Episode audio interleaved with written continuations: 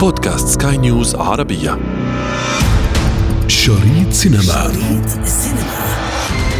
تتابعون في هذه الحلقة. دايما عندنا حاجة اسمها العدوى عدوى النجاح. إذا طفل نجح ستجد كل الشاشات بالذات المصرية والعربية فيها أطفال. يا بابا! حبيبة أبوها لما صدقت عودت عندي على دنيا جديدة. مش عايزهم يتعبوا أو يتأثروا باللي حصل ليمان شريط سينما. Lights, camera, action.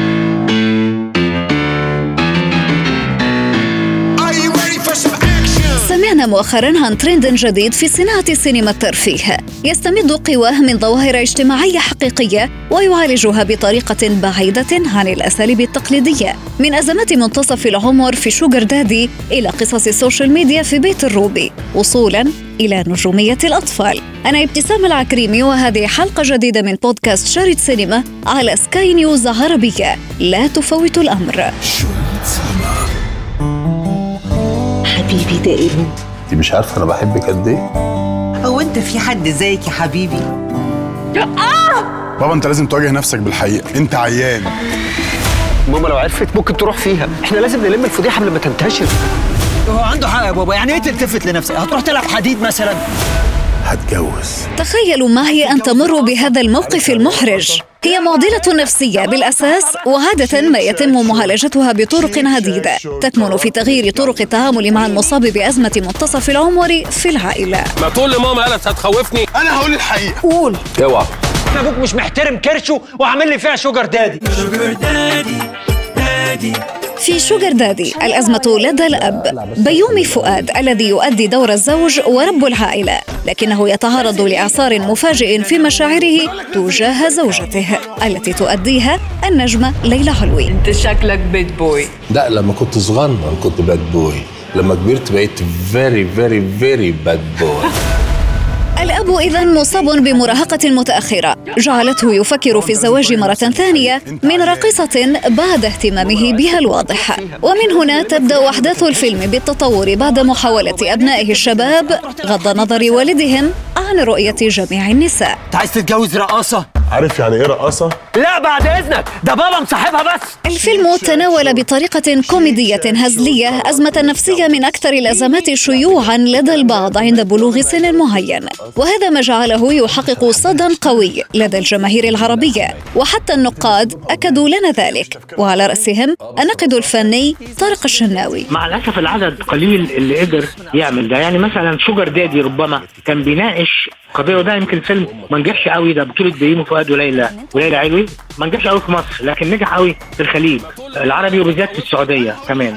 اللي هو فكرة التصابي إن الراجل في مرحلة عمرية آه، معينة بيبتدي بقى محتاج للدلع وممكن يبقى فرصة ذهبية لأي آه، امرأة أو فتاة صغيرة تقدر تسيطر عليه. دي عولجت آه، بشكل جيد كوميدي. كان نجاحها حتى في الخليج أكتر من النجاح من نجاح نفس العمل الفني ده في مصر. يعني مثلا ده من ضمن الحاجات. زي ما قلت لك مثلا ال social media تؤثر على ردود فعل الناس إن ممكن حد يلاقي نفسه متهم زي الأبطال بتوع بيت الروبي أو البطلة تحديدا. في جريمة لم ترتكبها لكن كل شوية ممكن تقتطع جزء وده إحنا كلنا طبعا بنلاحظه وبنعيشه. ممكن تاخد جزء من السياق لحوار أي حد سواء كان شخصيه سياسية أو فنية أو حتى مواطن عادي وتلعب بيها على ال social media وتتحول يا إلى إدانة مطلقة أو لو أنت عايز يعني تكبره إلى انتصار وتطلعه إنه كان عظيم. لكن كل ده فعلا كلها بطريق ال social media.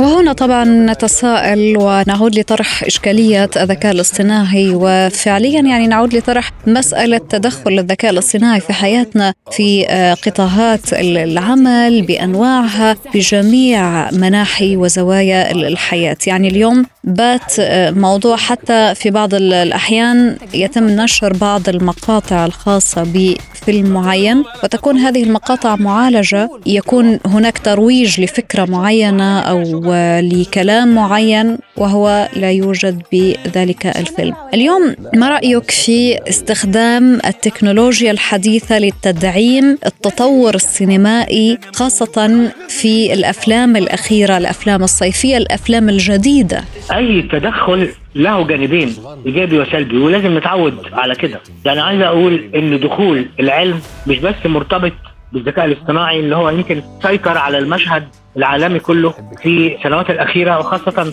بعد كورونا أصبح الحديث عن الذكاء الاصطناعي هو رقم واحد. وعلى الخطورة وعلى خطورة الذكاء الاصطناعي لدرجة الإضرابات اللي كلنا عايشناها ولا تزال في هوليوود وغيرها من خوف المبدعين على إبداعهم.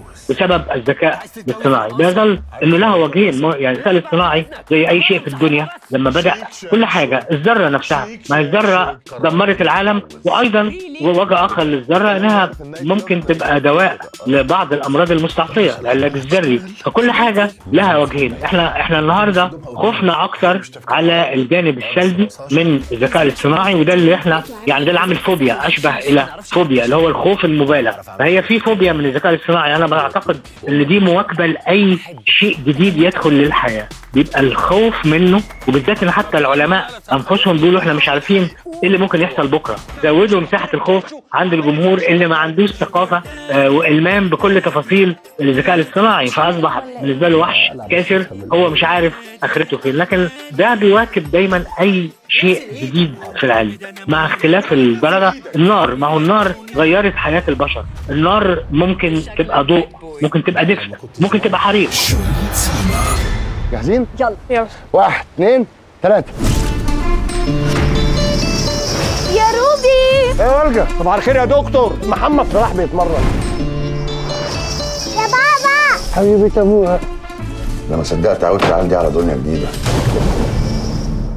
مش عايزهم يتعبوا أو يتأثروا باللي حصل لإيمان ولك يا بنت كمان النهارده من أزمة منتصف العمر إلى قضايا ال social media وإدمان ال influencers على عرض يومياتهم للمستخدمين في بيت الروبي. فين الفرحة؟ هاتوها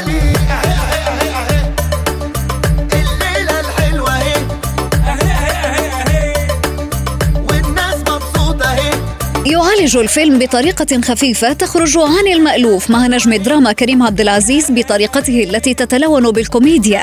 يعالج ظاهرة الترند على ال social media من منطلق أن بعض الكلمات العادية التلقائية أو اللقطات اليومية غير المصطنعة قد تصنع الترند. وتأتي لصاحبها بملايين المتابعين واللايكات. فعلا بدأت ال social media أصبح جزء كبير من حياتنا ال social media فأثرت حتى على التناول الدرامي وعلى الأفكار. يعني بيت الروبي وده يمكن أنجح فيلم آه، في الفترة الأخيرة بالأرقام. ممكن يبقى فيه حد له تحفظ ما على بعض مناطق درامية في الفيلم لكن هو فعلا بالرقم هو الأعلى. اعتماده على ال social media كانت السبب الرئيسي مرتين. مرة وراء انزواء هذه الأسرة في مكان نائي اللي هم أبطال ال- الفيلم كريم ونور. الجزء الثاني ان هي جعلت من غنوة قالها بشكل عشوائي كريم عبد العزيز ترند وأصبح حديث الناس.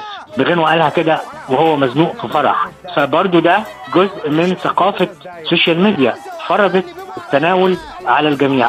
وبعدين حتى في فيلم الأخير بتاع هو عزيرو بتاع محمد هنيدي هنلاقي إنه برضه في استخدام لل social media. حلت مشكلته. إزاي؟ إنه مشكلته المادية اقصد طبعا. قال غنوة اسمها عزيرو كسرت الدنيا فجابت له فلوس. عارفه إنه الأغاني لما يعاد تكرارها على اليوتيوب بيبقى فيه مقابل مادي. فحل مشكلته بغنوة اسمها عزيرو برضو ده كله يدخل في إطار ما طرحته ال social media من افكار كان زمان قوي في الأربعينيات والخمسينيات كان الحل بيأتي غالبا من ورقة يانصيب هتلاقي ورقة اليناصيب لعبت دور مهم جدا بالذات في أفلام السينما المصرية في عقد الأربعينيات والخمسينيات. فجأة تشتري ورقة ب 10 صاغ أو تلاقي ورقة ملقاة كده على الأرض أو أو أو كلها تنويعات على نفس التيمة. طبعا كان كلمة إنك تكسب 1000 جنيه ده كان رقم خلاص اتحلت مشكلته. ظاهرة أخرى تنتشر في الأفلام العربية تتمثل في نجومية الأطفال الصغار.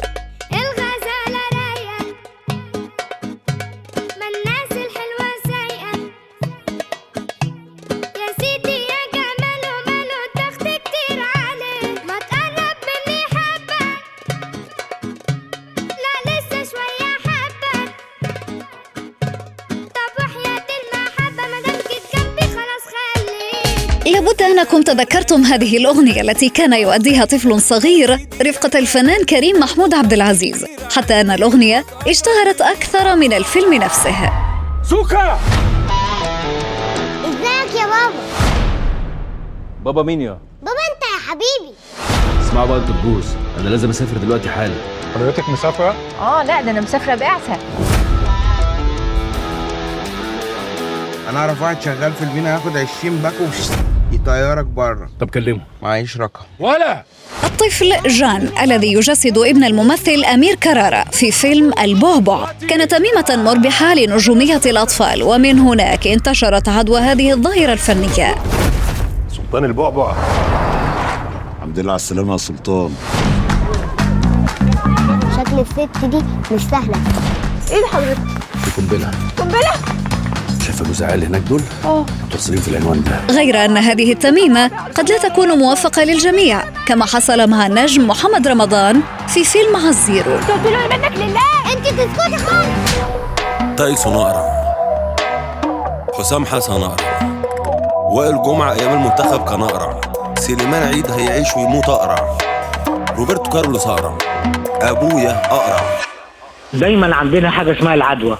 عدوى النجاح. إذا طفل نجح ستجدي كل ال- الشاشات بالذات المصرية والعربية فيها أطفال في الأفلام. يعني دي دي ظاهرة. مثلا كوميديان نجح هتلاقيه هو هو موجود في عشرات الأفلام وهكذا. فاللي حصل إنه فعلا في طفل نجح في البعبع اللي هو اسمه جان.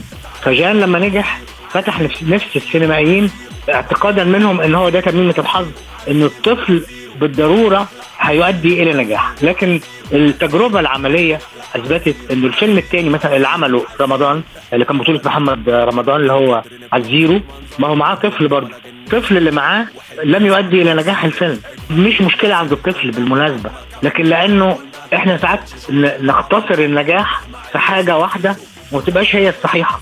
ممكن يكون بالإضافة إلى لكن ليست آه، لوحدها هي سر النجاح. في فترات كتيرة كان بيحصل ده فعلا. بين الحين والآخر تلاقي موجة موجة أطفال. واتعمل أنا فاكر يمكن من 15 سنة كان في كم أفلام. بدأ تصويرها بطولة أطفال بس اللي كان في أحد الأفلام نجح بالأطفال. فجزء كبير منها توقفوا عن عن إكمالها لأنه لقوها إنها مش مجدية ومش هتجيب إيرادات. فهي موضة. استغلال نجاح سريع قوي وعدم معرفة حقيقية بسبب النجاح. مش بالضرورة الطفل قد يكون أحد الأسباب لكن لم يكن لوحده. كان في حالة عامة موجودة في العمل الفني. هذه الظاهرة ليست بالجديدة رأيناها زمان حتى في الأفلام الكلاسيكية الأفلام تبع الأبيض والأسود.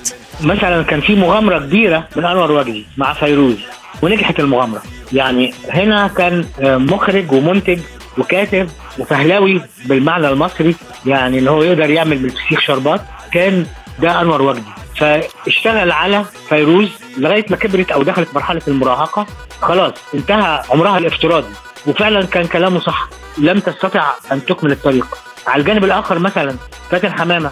ما هي برضه محمد كريم وده مخرج كبير جدا في يوم سعيد ده لها دور جنب محمد عبد الوهاب. وكان الدور صغير لكن بذكاء المخرج حس إن آه، البنت دي فيها حاجة فزود المساحة. يعني مساحة فاتن حمامة في يوم سعيد أمام محمد عبد الوهاب زادت بناء على إحساس المخرج أثناء التصوير إن البنت دي فيها حاجة. وفعلا فاتن من ضمن الاستثناءات إن ممكن الطفل ينجح وهو طفل والناس تتقبله مع مرور الزمن لما يوصل للمراهقة والشباب وبعدين الشيخوخة وهكذا ويفضل معاهم.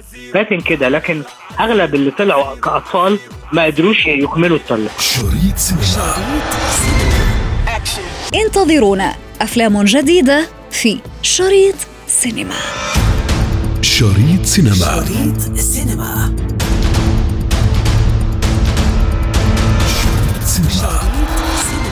وفي ختام حلقتنا نذكركم بمتابعتنا والاستماع لنا عبر منصة البودكاست لسكاي نيوز عربية وباقي منصات البودكاست الأخرى. كنت معكم في الإعداد والتقديم أنا ابتسام العكريمي وكان في الإخراج نويل بولس